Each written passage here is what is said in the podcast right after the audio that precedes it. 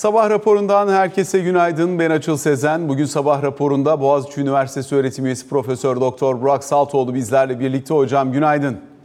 E, günaydın, iyi yayınlar. Teşekkür ediyoruz. Aslında dün itibariyle gelen enflasyon rakamları var. Bir miktar bunun üzerine değerlendirme alacağız. Para politikasında bundan sonra oluşturulabilecek ortam, ekonominin son dönemdeki soğutma tedbirlerine verdiği tepkiler, bütün bunlar konuşacağımız ana konular arasında yer alacak. Önce bir düne dönüp enflasyon rakamları nasıl gelmişti onu hatırlayalım hocam. Sonrasına başlayalım konuşmaya. Türkiye İstatistik Kurumu'nun açıkladığı verilere göre Temmuz ayında tüketici fiyatları %9.1'lik beklentiye karşılık bir önceki aya göre %9.49 arttı. Yıllık enflasyon %47.83 olarak kaydedildi. Temmuz ayında yıllık çekirdek enflasyon da %56.09 oldu. Veriler üretici fiyatları tarafında da yukarı yönlü sert hareket olduğunu gösterdi. Buna göre Temmuz'da üretici fiyatları bir önceki aya göre %8.23 arttı. Aynı dönemde yıllık üretici enflasyonu ise %44.50 olarak gerçekleşti. Öte yandan yıllık çekirdek tüketici enflasyonu ise Temmuz'da %56.09 artarken beklenti %54.5 artış yönündeydi. TÜİK verilerine göre Temmuz'da aylık en yüksek artış gösteren harcama grubu %17.75'te ulaştırma grubu oldu. Aylık tüketici enflasyonunda ulaştırmayı %13.61 ile sağlık, %11.92 ile lokanta ve oteller grubu izledi. Temmuz ayında bir önceki aya göre en az artış gösteren ana grupsa %2.67 ile eğitim oldu. Buna karşılık bir önceki yılın aynı ayına göre artışın en yüksek olduğu ana grupsa %82.62 ile lokanta ve oteller olurken, en düşük enflasyonsa yıllık bazda %19.3 ile konut harcamalarında yaşandı. Temmuz'da gıda enflasyonu ise yıllık bazda %60.7, aylık bazda ise %7.7 gerçekleşti. Enflasyonda yükseliş beklentisi Merkez Bankası'nın tahminlerine de yansımış, yıl sonu enflasyon tahmini %22.3'ten %58'e yükseltilmişti. Rakamlar böyle. Temmuz ayı tarihin en yüksek Temmuz ayı enflasyonuyla kapanmış oldu böylelikle. Elbette kurdaki çok ciddi yükseliş burada ana temalardan bir tanesi. Aynı zamanda fiyatı yönetilen ve yönlendirilen kalemlerde vergi artışlarının etkileri, diğer taraftan yapılan tarife değişikliklerinin etkileri e, önemli ölçüde kendini göstermiş gibi görünüyor. Sonuç itibariyle Merkez Bankası enflasyon tarafında bu yıl sonunda %58'lik bir beklentiyi ortaya koymuştu enflasyon raporunun içerisinde. E, zirve ise gelecek yılın birinci çeyreği itibariyle birinci çeyreğiyle ikinci çeyreğinin ortasında bir noktada görmeyi beklediğini ifade etmişti. Şu anda bu söylemlerin neresindeyiz hocam?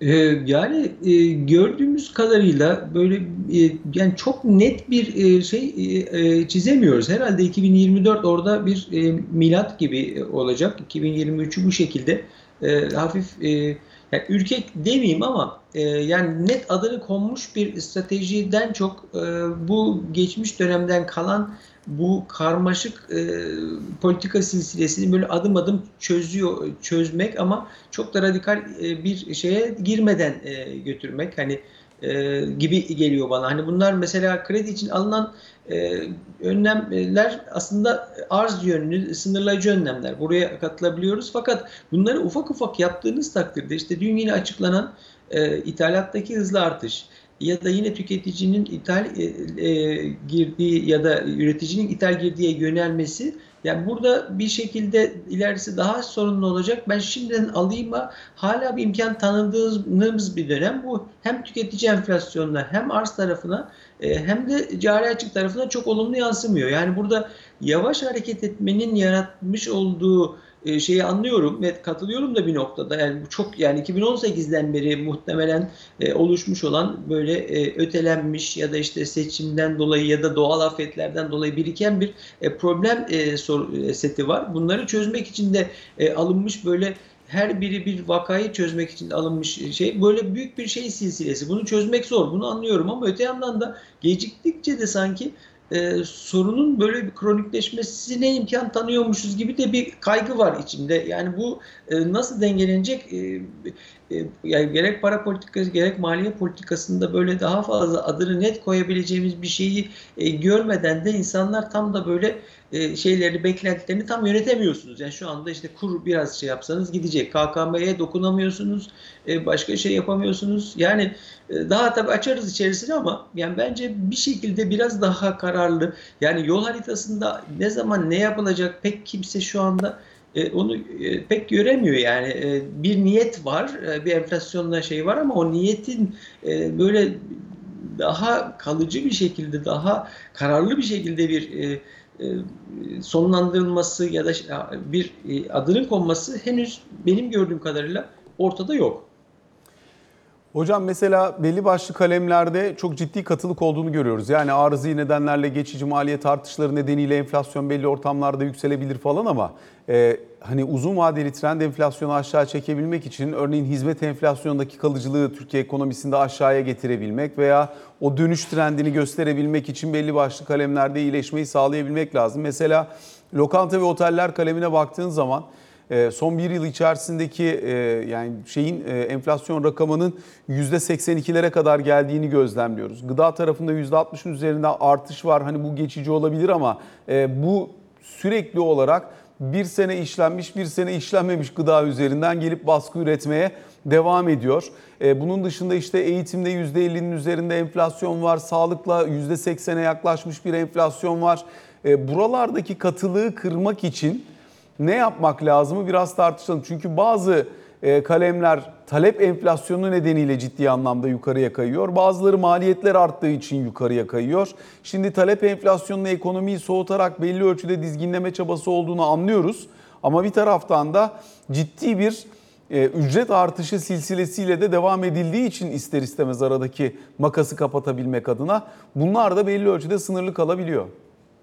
Ee, çok doğru. Yani oradan e, e, yani demin de şey yaptığım gibi bir taraftan arz yönünde e, ki et- etkileyici unsur e, iki yönlü. E, birincisi kur. E, kur tabii ki direkt yansıyor. İkincisi de kurun buralarda kalacağını düşündüğü için aslında e, ya- yatırımcı da ya da işte e, ne diyelim girişimci de e, önden e, stoklarını daha da fazla devam ettiriyor yüklemeye. Çünkü e, sonuçta ileride maliyetli. Dolayısıyla bu cari açığa da sorun. Ama aynı zamanda fiyatlama davranışında da dediğiniz gibi iki yönde de yani hem girdisinde maliyet artacak hem de şeyde maliyet artacak. Bir de tüketiminde de insanlar da hani bunu arttırdığım zaman satabilir miyim sorusuna da çok fazla şey yapmıyor. Çünkü onlar da tüketimini öne almak durumunda. Yani maddi durumdan kısmen hani bağımsız çok e, dar gelirlerin durumunu ayrıca gerçekten konuşmak gerekiyor. E, ama diğer tarafa baktığımız takdirde e, iki, ikisi beraber çalışıyor. Bir de burada fiyatlama davranışlarında bahsettiğiniz konuda e, ister istemez herhangi bir ülkede olduğu gibi bizde de fazlasıyla monopolleşme yapısı da var. Yani ya da oligopolleşme yapısı. Fiyat davranışında adam doğrudan enflasyon oranı ya da maliyetini direkt ka- karşılamak şeklinde değil daha üstüne belirliyor. Bir de enflasyonun böyle bir kaotik dediğimiz bir ta- davranış tarzı da var. Yani ben bugün %10 artırabileceksem bana yetecek ama daha da artacaktır e, fiyatlar diye 20-25 artırdığınızda. Tabii fırsatçılık şu o onun üzerinden tabii gitmemek e, gerekiyor. Yani sadece onunla kapatamayız. Yani kişilerin ahlaki e, özellikleri nedeniyle e, ülkeler e, yönetilemez. Yani siz o, o, onlara o fırsatı tanımayacaksınız öncelikle. Yani nasıl bu fiyat e, davranışı falan diyerek çıkan şeylerde e, ka- e, haklılık payı var ama yani bunun e, ekonomik e, nedenlerle çözmeniz gerekiyor. Yani burada bir beklenti olarak şu anda hangimize sorsak yani kurun e, burada duracağını ya da enflasyonun artık tepeye geldiğine inanmış olsak fiyatlama davranışını değiştirmeye başlarız. Ama burada bir şey yok. Yani sokaktaki insanda da e, akademik olanda da piyasacıda da. E, o yüzden bahsettiğiniz katılıkların çözümü için çok kararlılık e, önemli. İkincisi de yani onu yapmanın e, canı yakacağı bir maliyetlendirme olması gerekiyor ve kurun da artık yeter burada. Çünkü geçmişte hatırlarsanız yani kurla ilgili ya bir yerden nasıl dönecek algısı vardı. Şu anda öyle bir algı yok. Yani bu çok yanlış. E burada da mesela benim yanlış bulduğum, hep de sürekli söylüyorum, e, tüm bu süreçte e, mevduat faizinin e, sanki böyle e, bankaların daha rahat kredi verebilmesi için hani baskılandı kelimesini kullanmayayım ama yükselmesinin e, bir şekilde e, çok desteklenmediği bir noktadayız. E, bunun da çok doğru olmadığını düşünüyorum. Yani sonuçta işin arz yönlü riskini, yani arz yönlü e, maliyetini en yüksek artıran kısım kursa, e, biz bunu 29-30 böyle gidecek mi acaba dediğinizde e, fiyatlama davranışında alıcı da satıcı da aynı noktada da, davranıyor. Yani şimdi alırsam, yani hepimiz de var bu çok samimi olarak. Yani sürekli ben soruyorum yani dolara endeksi e, ne tip ihtiyaçlarımız var bir an, bir an evvel bunu e, aradan çıkaralım. E, yani bunu biz yapıyorsak herkes benzer bir şekilde yapıyor. E, bu tabii ki e, şeye yansıyor. Ücretler kısmında da yani mesela Kanada gibi büyük bir ülke bile yani ücretlerin genel artışı gibi böyle asgari ücret falan üzerinden değil de gıda yardımı yapıyor. Şimdi burada enflasyonda çok önemli bir kesim en en alt kesim. E şimdi biz bunu sadece asgari ücret artışı yönünden yaptığımızda ülkede asgari ücret alıyormuş gibi görünen ve şey yapan çok geniş bir kitle de var. Ama halbuki daha az etkilen, daha çok etkilenen kesimi öncelikle en e, asgari e, kısmıyla, en minimal kısmıyla burada koruyarak, koruyacak başka politikalar da düşünmemiz belki gerekiyor. Yani bu süreçte ben bu işin içinden e, çıkılabilmesi için hele hele adımlar böyle e, şey şey gidecekse 2024'e kadar e, çok daha yani çok net bir resim gelmez. 2024'te de daha radikal bir şey yapmamız gerekecektir. E bu daha da bir maliyet artıracaktır. Yani izliyoruz tabii e, ama e, şu an için e, yani soruna sorunla ilgili yani alınan önlemlerin e, davranışları önleyecek bir kararlılığı ya da etkinliği henüz yok. Devamının e, hızla ve etkin bir şekilde gelmesini bekliyoruz açıkçası. Hocam biraz önce bahsettiğiniz iki önemli konu var. Bir tanesi enflasyon tabii ticari ahlakı ister istemez bozuyor. Ee, ve düzelmeden, enflasyon düşmeden de bunu düzeltmek çok mümkün olmayabiliyor. Siz ne kadar fiyat denetimi vesaire yapmaya çalışırsanız çalışın. Ee, sonuçta işin bir de realist tarafı var. Siz eğer fiyatlarınızı belirli aralıklarla ayarlayabilen bir iş yapısına sahipseniz, örneğin bir sonraki fiyat artışını 3 ay sonra yapacaksanız sadece geçmiş 3 aydaki enflasyon farkını değil, o arada varlık kaybetmemek ya da işinizden para kaybetmemek için gelecek 3 aydaki beklediğiniz enflasyonu da bunun içerisine dahil ederek gidiyorsunuz. Hani ortalamada 4 puan 5 puan arasında enflasyon üretir bir hale geldi ekonomi e, son yıllarda. Ayda 4-5 puanlık artışlar bu e, hakikaten çok yönetilebilir bir durumda değil. Dolayısıyla dediğimiz gibi beklenti gelecek yılın birinci veya ikinci çeyreğinde enflasyonun bir yerde zirve yapacağına işaret ediyor faiz politikası bu bozulan beklenti ve yükselen enflasyon yaklaşımına nasıl bir yanıt üretebilir?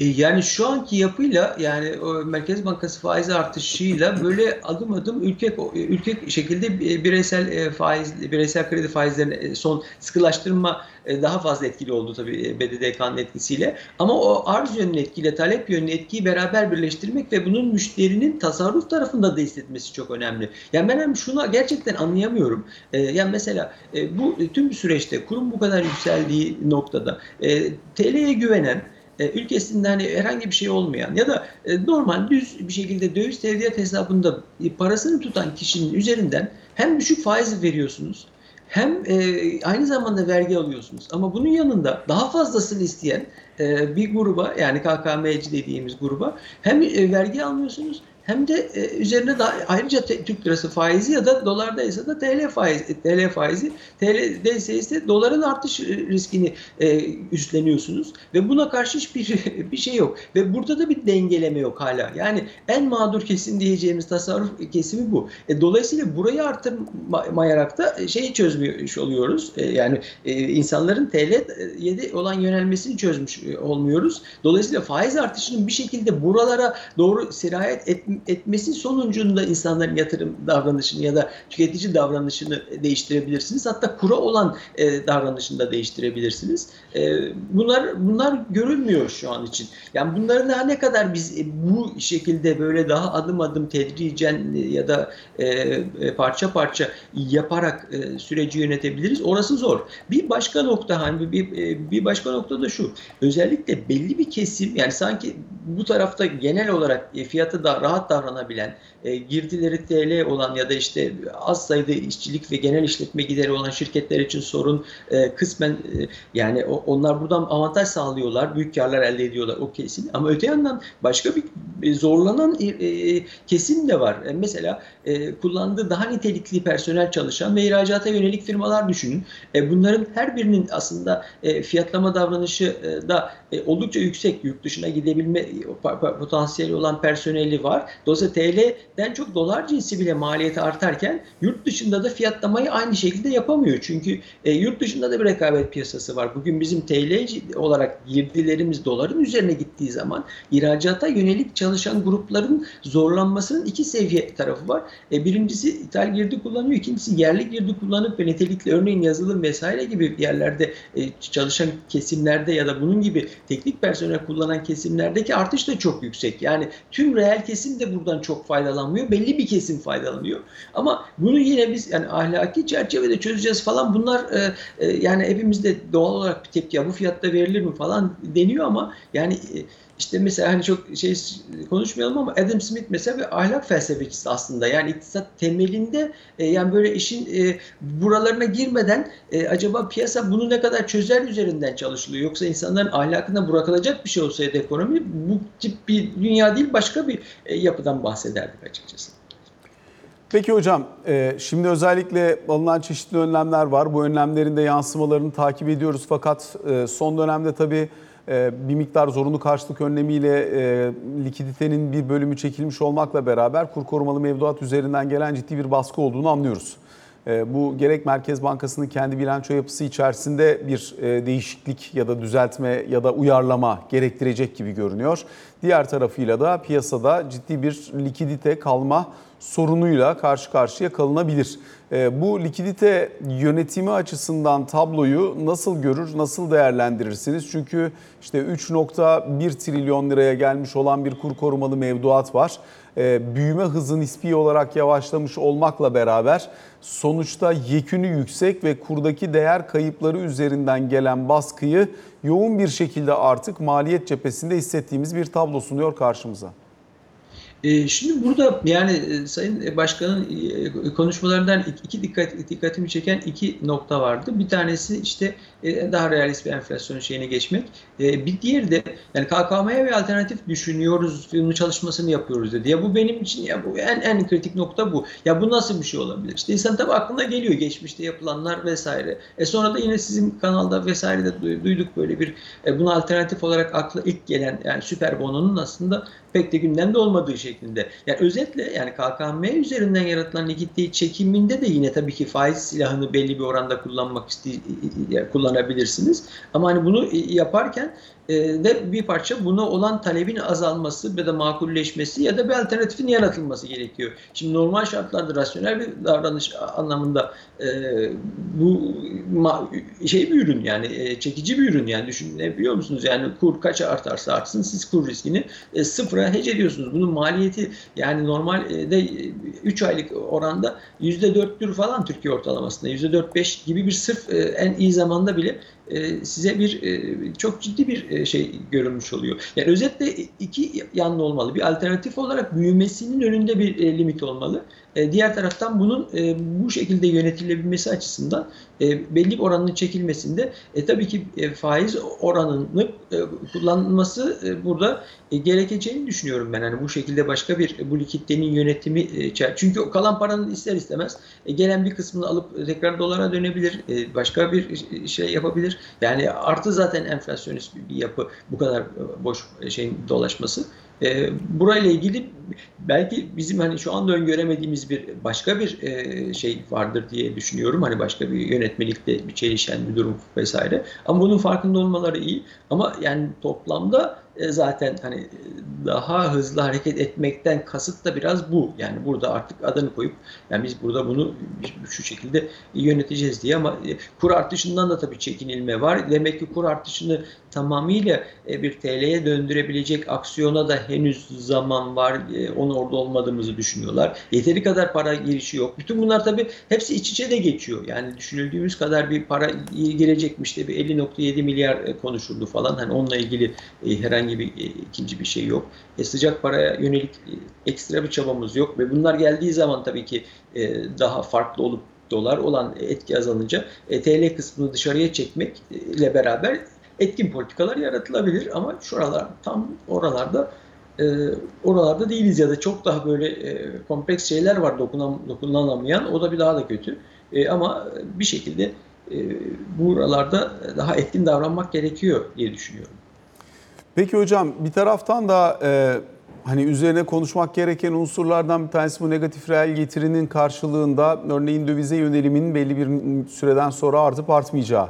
E, çünkü şu an itibariyle 30'lar civarına gelmiş bir e, mevduat faizi işte %70'lere doğru yaklaşması beklenen bir enflasyon dinamiği. Dolayısıyla net nette yatırımcı açısından alternatif arayışının ön plana çıktığı bir ortam. Burada hani hisse senedinin örneğin toplam yatırımlar içerisindeki payı çok düşük olduğu için ister istemez e, hane halkının buradaki arayışı ya mala gitmek şeklinde oluyor. İşte otomotivdi gayrimenkulde oralarda da düzenlemeler var. Arz talep dengesinde bozulmalar var. Erişim problemi var. Dolayısıyla hani seçenek olarak çok az seçeneği kalmış görünüyor yatırımcıların. E, bu nedenle hane halkının bir dövize gitme olasılığı ya da riski söz konusu mudur? Bu birinci sorum. İkincisi Özellikle bugün gelecek olan mesela reel efektif kur var. Türk lirasında ciddi bir değer kaybı oldu. %30 civarında bir değer kaybı gördük biz. Şimdi bundan sonraki aşamada ki herhalde reel efektif kur da e, şu anda tarihi dip seviyelerde falan çıkabilir bugün gelecek olan rakamda. Eğer buralarda gelecek olursa bunun bir ihracat üzerine iki kaynak girişi üzerine potansiyel etkisi nasıl olabilir? En azından eğer gelecek bir hane halka tepkisi varsa dış kaynak teminiyle bunun belli ölçüde bertaraf edilmesi söz konusu olabilir mi? Ya ikisi de çok güzel sorular. İlki için yani e, yani biz kendimizden düşünelim ya çevremizden. Yani dolar olmasa bile dolar endeksli olan ne almam gerekir? Bunu şimdiden alayım. Mesela bakın bu hem tüketimi artırıyor. Yani dolayısıyla kısıtlayıcı tarafı önleyemiyorsunuz.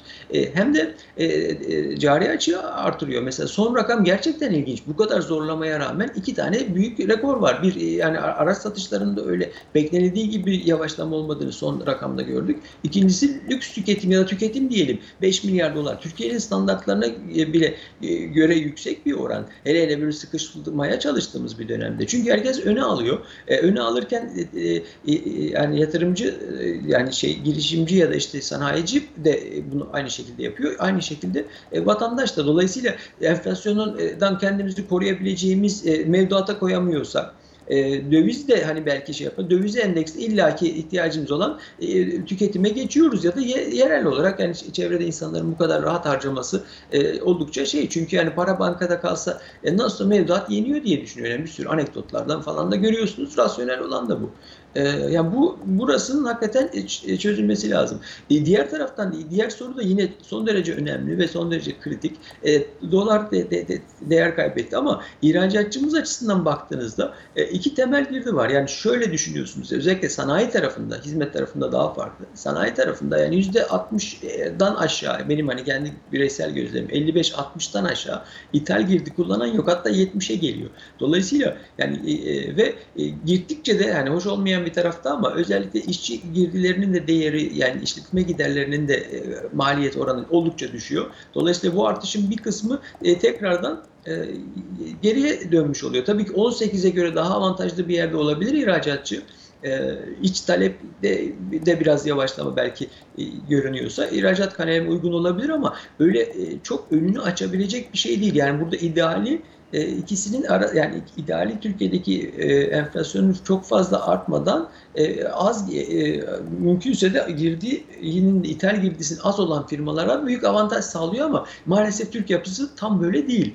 E, reel efektif kur konusunda da şimdi bizim şey iyi gitti yani kur yukarı gitti ama enflasyon da onu bir aşamada e, e, koruyacak, e, yakalayacak diyelim. Yani o anlamda da e, artışı böyle net olarak biz bir e, e, ihracatçının katma değer yaratacağı ya da kara direkt döndüreceği bir şey olarak göremiyoruz.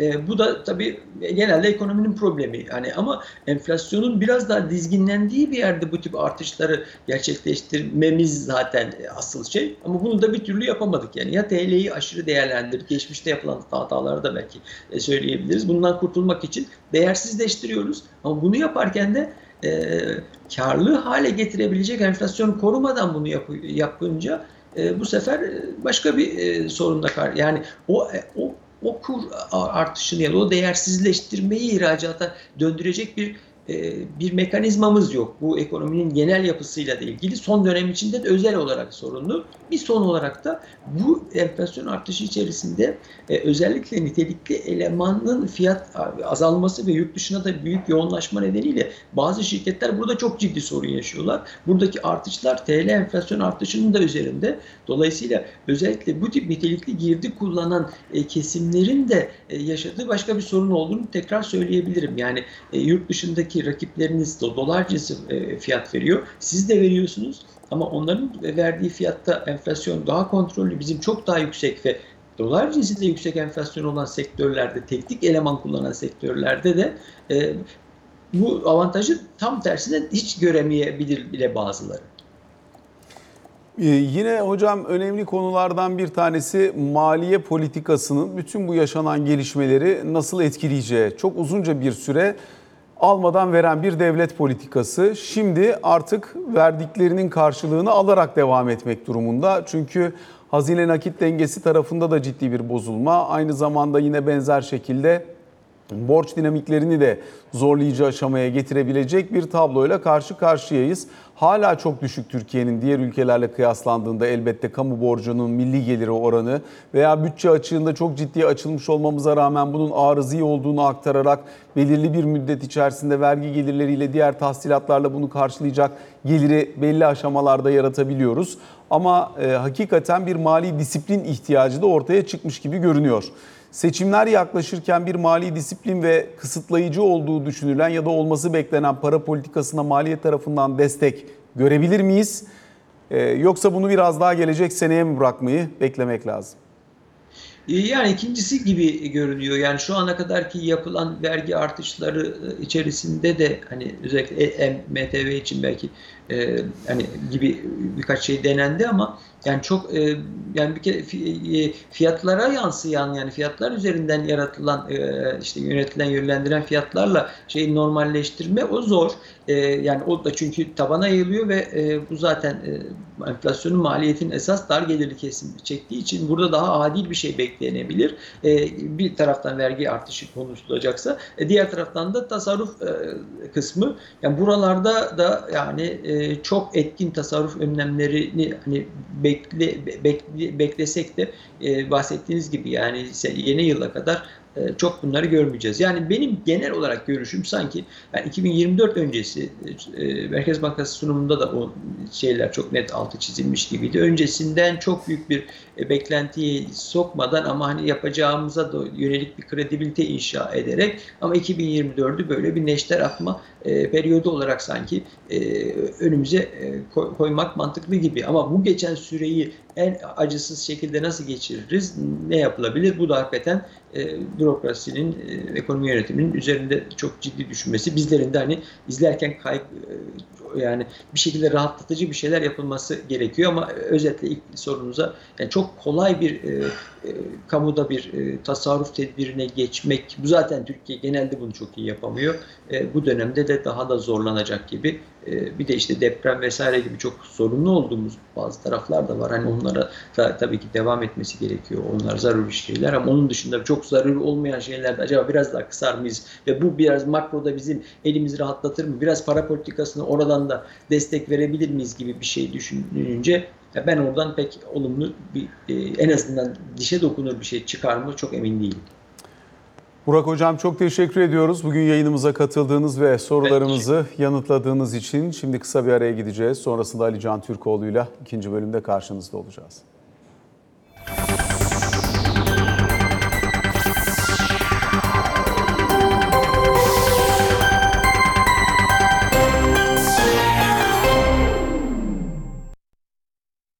Sabah raporunun ikinci bölümüyle karşınızdayız. Alican Türkoğlu ile birlikteyiz. Alican günaydın. Günaydın. Şimdi özellikle e, son dönemde uluslararası diplomasi anlamında Türkiye'nin bir açılımı var. Fakat geçtiğimiz yıldan kalan en önemli sorunlardan bir tanesi Amerika'nın bölgedeki müttefik değişikliği ya da buradaki perspektif farklılaşması sonrasında Yunanistan'la kurguladığı ilişkiydi. Özellikle oraya bir e, hani oluşturulması düşünülen yeni üs yapılması düşünülen yeni üs yaklaşımı çok tartışılıyordu. Oradaki işte e, uçakların yenilenmesi, e, adalara konuşlandırılan yine silahlanma çerçevesindeki yeni unsurlar falan derken başka bir aşamaya doğru gelindi. Buranın ısınmaya devam ettiğini anlıyoruz şu anda. Şimdi aslında bu seçimlerden önce yani Türkiye ve Yunanistan'daki seçimlerden önce çok fazla konuşuluyordu. Sonra bir durdu. Ee, ama şimdi görüyoruz ki özellikle ben bugün yarın çok konuşulacağını tahmin ediyorum. Çünkü e, Temsilciler Meclisi'ne gelen yeni bir e, tasarı var ve bu tasarının içerisinde de bir madde var. Burada da e, yani aslında maddenin e, geneli çatısı Yunanistan ile askeri işbirliğini geliştirmeye yönelik bir tasarı olarak değerlendiriyor ama içeriğinde ve işte e, bu tasarıyı savunanların konuşmalarına da baktığımızda Ege adalarına e, yeni askeri üslerin kurulmasını destekleyen ve hani birden fazla askeri üstünde olması gerektiğini savunan bir tasarı. Yani bu noktada tamamen işte sadece Dede Ağaç, sadece Ege, Ege'nin ortasındaki adalardan birinde bir üs kurulması değil. Anladığım kadarıyla şimdi Dışişleri Bakanlığı yani Amerika Birleşik Devletleri Dışişleri Bakanlığı ve Savunma Bakanlığı ortak çalışacak ve e, iki ay içerisinde de bir rapor sunacaklar. Ama e, işte bu konuşanların söylediklerinden anladığımız kadarıyla senatörlerin burada çok geniş kapsamlı bir askeri üs yapılanmasının planlandığı ifade ediliyor. Bu da e, tam anlamıyla e, Yunanistan'ın ve Ege adalarının e, bir Amer- Amerika'nın birer askeri üssü olarak tanımlanması olarak da okunabilir. Şimdi zaten birkaç açıdan değerlendirmek gerekiyor belki. Zaten oldukça gergin bir dünya kamuoyu var savaştan ötürü. İnanılmaz derecede zaten gergin ve savaşta olan bir Rusya var. E, işte zaten ana nedeni bu savaş. Artı zaten Türkiye ile Yunanistan arasında Doğu Akdeniz'de başlamış olan ama seçimlerden sonra bir e, yumuşama aşamasına giren ve pozitif gündem üzerine yoğunlaşıyoruz diyen e, bir Türkiye var. Yunanistan'dan da benzer açıklamalar geliyor. E, Kıbrıs'taki konuşmaları dışındaki Yunanistan'ın açıklamalarının çoğu da genelde olumlu gündeme, pozitif gündeme yönelik. Ama bu hamle e, eğer gerçekleşir ise zaten silahsız olması Lozan'la e, imza altına alınan Ege adalarının birer hangileri olduğunu bilmemekle beraber yani 12 adayı kastetmiyorlar belki ama yine de Ege'de inanılmaz büyük bir askeri yoğunluğun olmasının Türkiye-Yunanistan ilişkilerini tekrar bozabileceği hatta Türkiye-Amerika Birleşik Devletleri ilişkilerine de zarar verebileceği ifade ediliyor bu konunun uzmanları tarafından ama bakacağız yani tasarının gelmiş olması geçmiş olduğu anlamına gelmiyor. Bir, Amerika Birleşik Devletleri'nin özellikle Biden yönetiminin de bu konuyla ilgili olarak ne gibi açıklamalar da yapacakları da önemli. Ama ben bu bir iki gün içerisinde bu konuyla ilgili olarak e, bir temas gerçekleşebileceğini düşünüyorum. Bundan sonraki dönem açısından yine önemli konulardan bir tanesi tahıl koridoru meselesiydi. Onun üzerine de istersen değerlendirme yapmaya çalışalım. Çünkü Rusya'nın buradaki salvoları devam ediyor. Özellikle tahıl depolarını vurma konusundaki silolara yaptığı saldırıların devam ettiğini anlıyoruz. Ukrayna'nın açıklamaları var, alternatif bulma çabaları var falan ama e, şu anda orası sıkışmış görünüyor bayağı. Ee, bu zaten siloların vurulma konusu, şimdi Amerika'dan başladık oradan devam edeyim. Amerika'nın da gündeminde. Yani Blinken'ın açıklamalarında da benzer noktada e, şeyler var. Ne diyor? Rusya zaten tahıl silolarını vurarak e, artık üretimi de etkilemeye çalışıyor, engellemeye çalışıyor diyor ve anlaşmayı da şantaj için kullanıyor diyor. Zaten Amerika Birleşik Devletleri'nden dün de konuşmuştuk ya seninle. Yapılan tüm açıklamalarda Birleşmiş Milletler Büyükelçisi de benzer şeyi söylemişti. E, Her ne kadar anlaşmaya geri döneceği yönünde bir takım sinyaller olsa da somut olarak henüz bir şey görmüyoruz e, deniyor. Bence tahıl konusuyla ilgili olarak Kuleba'nın açıklamaları yani Ukrayna Dışişleri Bakanı'nın açıklamaları önemli. Bu Putin'in anlaşmaya dönüp dönmeyeceğiyle ilgili olarak Türkiye ile koordinasyon halindeyiz. Ancak eğer Putin anlaşmaya dönecekse bu da Türkiye sayesinde olacak. Bir tek onu Erdoğan e, anlaşmaya tekrar döndürebilir diyor. Şimdi telefon görüşmesini konuştuk Erdoğan'la Putin arasında ama bu yüz yüze görüşmenin bu ay içerisinde olması planlanan yüz yüze görüşmenin ne zaman gerçekleşeceği ve bu görüşme sonrasında kamuoyuna ne mesaj verileceği en kritik mevzu burada. Aslında Rusya'nın bu konuyla ilgili adım atmasını sağlayabilecek bir nokta var. Bu da anlaşmaya geri dönmek için adamların istediği şey ilk anlaşmada imza altına alınan hususun gerçekleşmesi. Yani Ukrayna tahılının limanlardan çıkışının ve pazarlara ulaşımının sağlanması gibi e, Rus gübresinin, Rus tahılının da çıkmasının sağlanması ve bunun sağlanması için de şu anda bunu engelleyen yaptırımların kaldırılması. İşte bankacılıktaki yaptırımların kaldırılması SWIFT ile ilgili olarak ve Rus gübresini taşıyan gemilere uygulanan yaptırımların gevşetilmesi veya kaldırılması. Her ne kadar Avrupa Birliği tarafından uygulanan yaptırımların e, bu ticareti etkilemediği ve engellemediği söylense bile Rusya'da bu görüşte değil. Dolayısıyla bir orta yol bulunacaksa Avrupa tarafından da Birleşmiş Milletler tarafından da yaptırımlar hususunda bir adım atılması bekleniyor Putin tarafından. Olacak olmayacağı belli olmamakla beraber bu ay içerisinde yapılacak görüşme Erdoğan-Putin yüz yüze görüşmesi tahıl koridorunun akıbetiyle ilgili olarak bize en net bilgiyi sağlayacak görüşme gibi. Peki bir de bugün ekonomi yönetimi açısından önemli çünkü işte uluslararası yatırımcılarla yatırımcı toplantılarının arka arkaya yapılacağına dair e, açıklamalar vardı. Hani bununla ilgili de e, zaten e, ekonomi yönetiminden Merkez Bankası Başkanı'ndan da açıklamalar gelmişti. Bugün JP Morgan'ın bir yatırımcı konferansı var. Orada bir görüşme olacak uluslararası yatırımcılarla. Evet birebir görüşmeler de olacak işte Singapur Yatırım Fonu ile BlackRock'la zaten JP Morgan düzenliyor JP Morgan'la. Ee, bu, bu- bunlara ağırlık verileceği, bu gibi görüşmelere ağırlık verileceği ve bununla da sınırlı kalmayacağını söyleyebiliriz. Şimdi 50'ye yakın yatırımcının bugünkü toplantıda bir arada olacağı ifade ediliyor.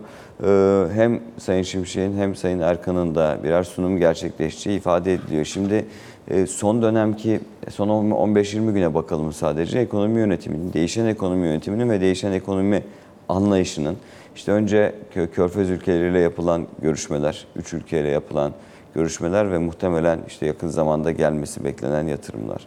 Daha sonrasında e, Avrupa Birliği ile karşılıklı olarak verilen mesajlar ve Gümrük Birliği'nin güncellenmesiyle ilgili olarak muhtemelen Eylül ayından itibaren atılması beklenen adımlar. Burada Sayın Şimşek'in Avrupa Birliği tarafıyla iki kere görüştüğü ve bu görüşmelerde de e, Türkiye'nin yeni ekonomi politikasını ve bundan sonra atılacak adımları anlattığı da ifade ediliyor. Dolayısıyla ABD diyor ki e, Gümrük Birliği ile ilgili olarak zaten konuştuk seninle de çok detaylı bir şekilde. Önümüzdeki dönemde Türkiye'nin vereceği olumlu sinyallere bağlı olarak ilerlemenin olup olmayacağını da göreceğiz diyor.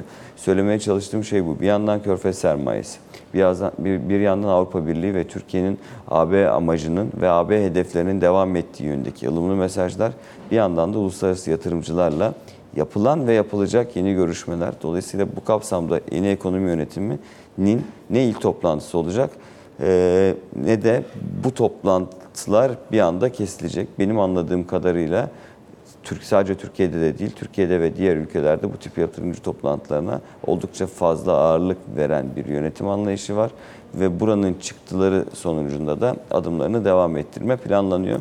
Sonrasında bir açıklama yapılacak bilmiyorum ama sanki sadece bir yazılı Yatırımcı yaz- konferansında çok öyle bir şey olması bir de sadece bekleniyor. yazılı bir açıklamayla hani bu tip toplantıların uluslararası aktörlerle devam edeceğine yönelik genel çatılı bir e, değerlendirme yapılmasını bekliyorum ben sosyal medya hesaplarında. Alican teşekkür ediyoruz. Sabah raporunu böylelikle noktalamış oluyoruz.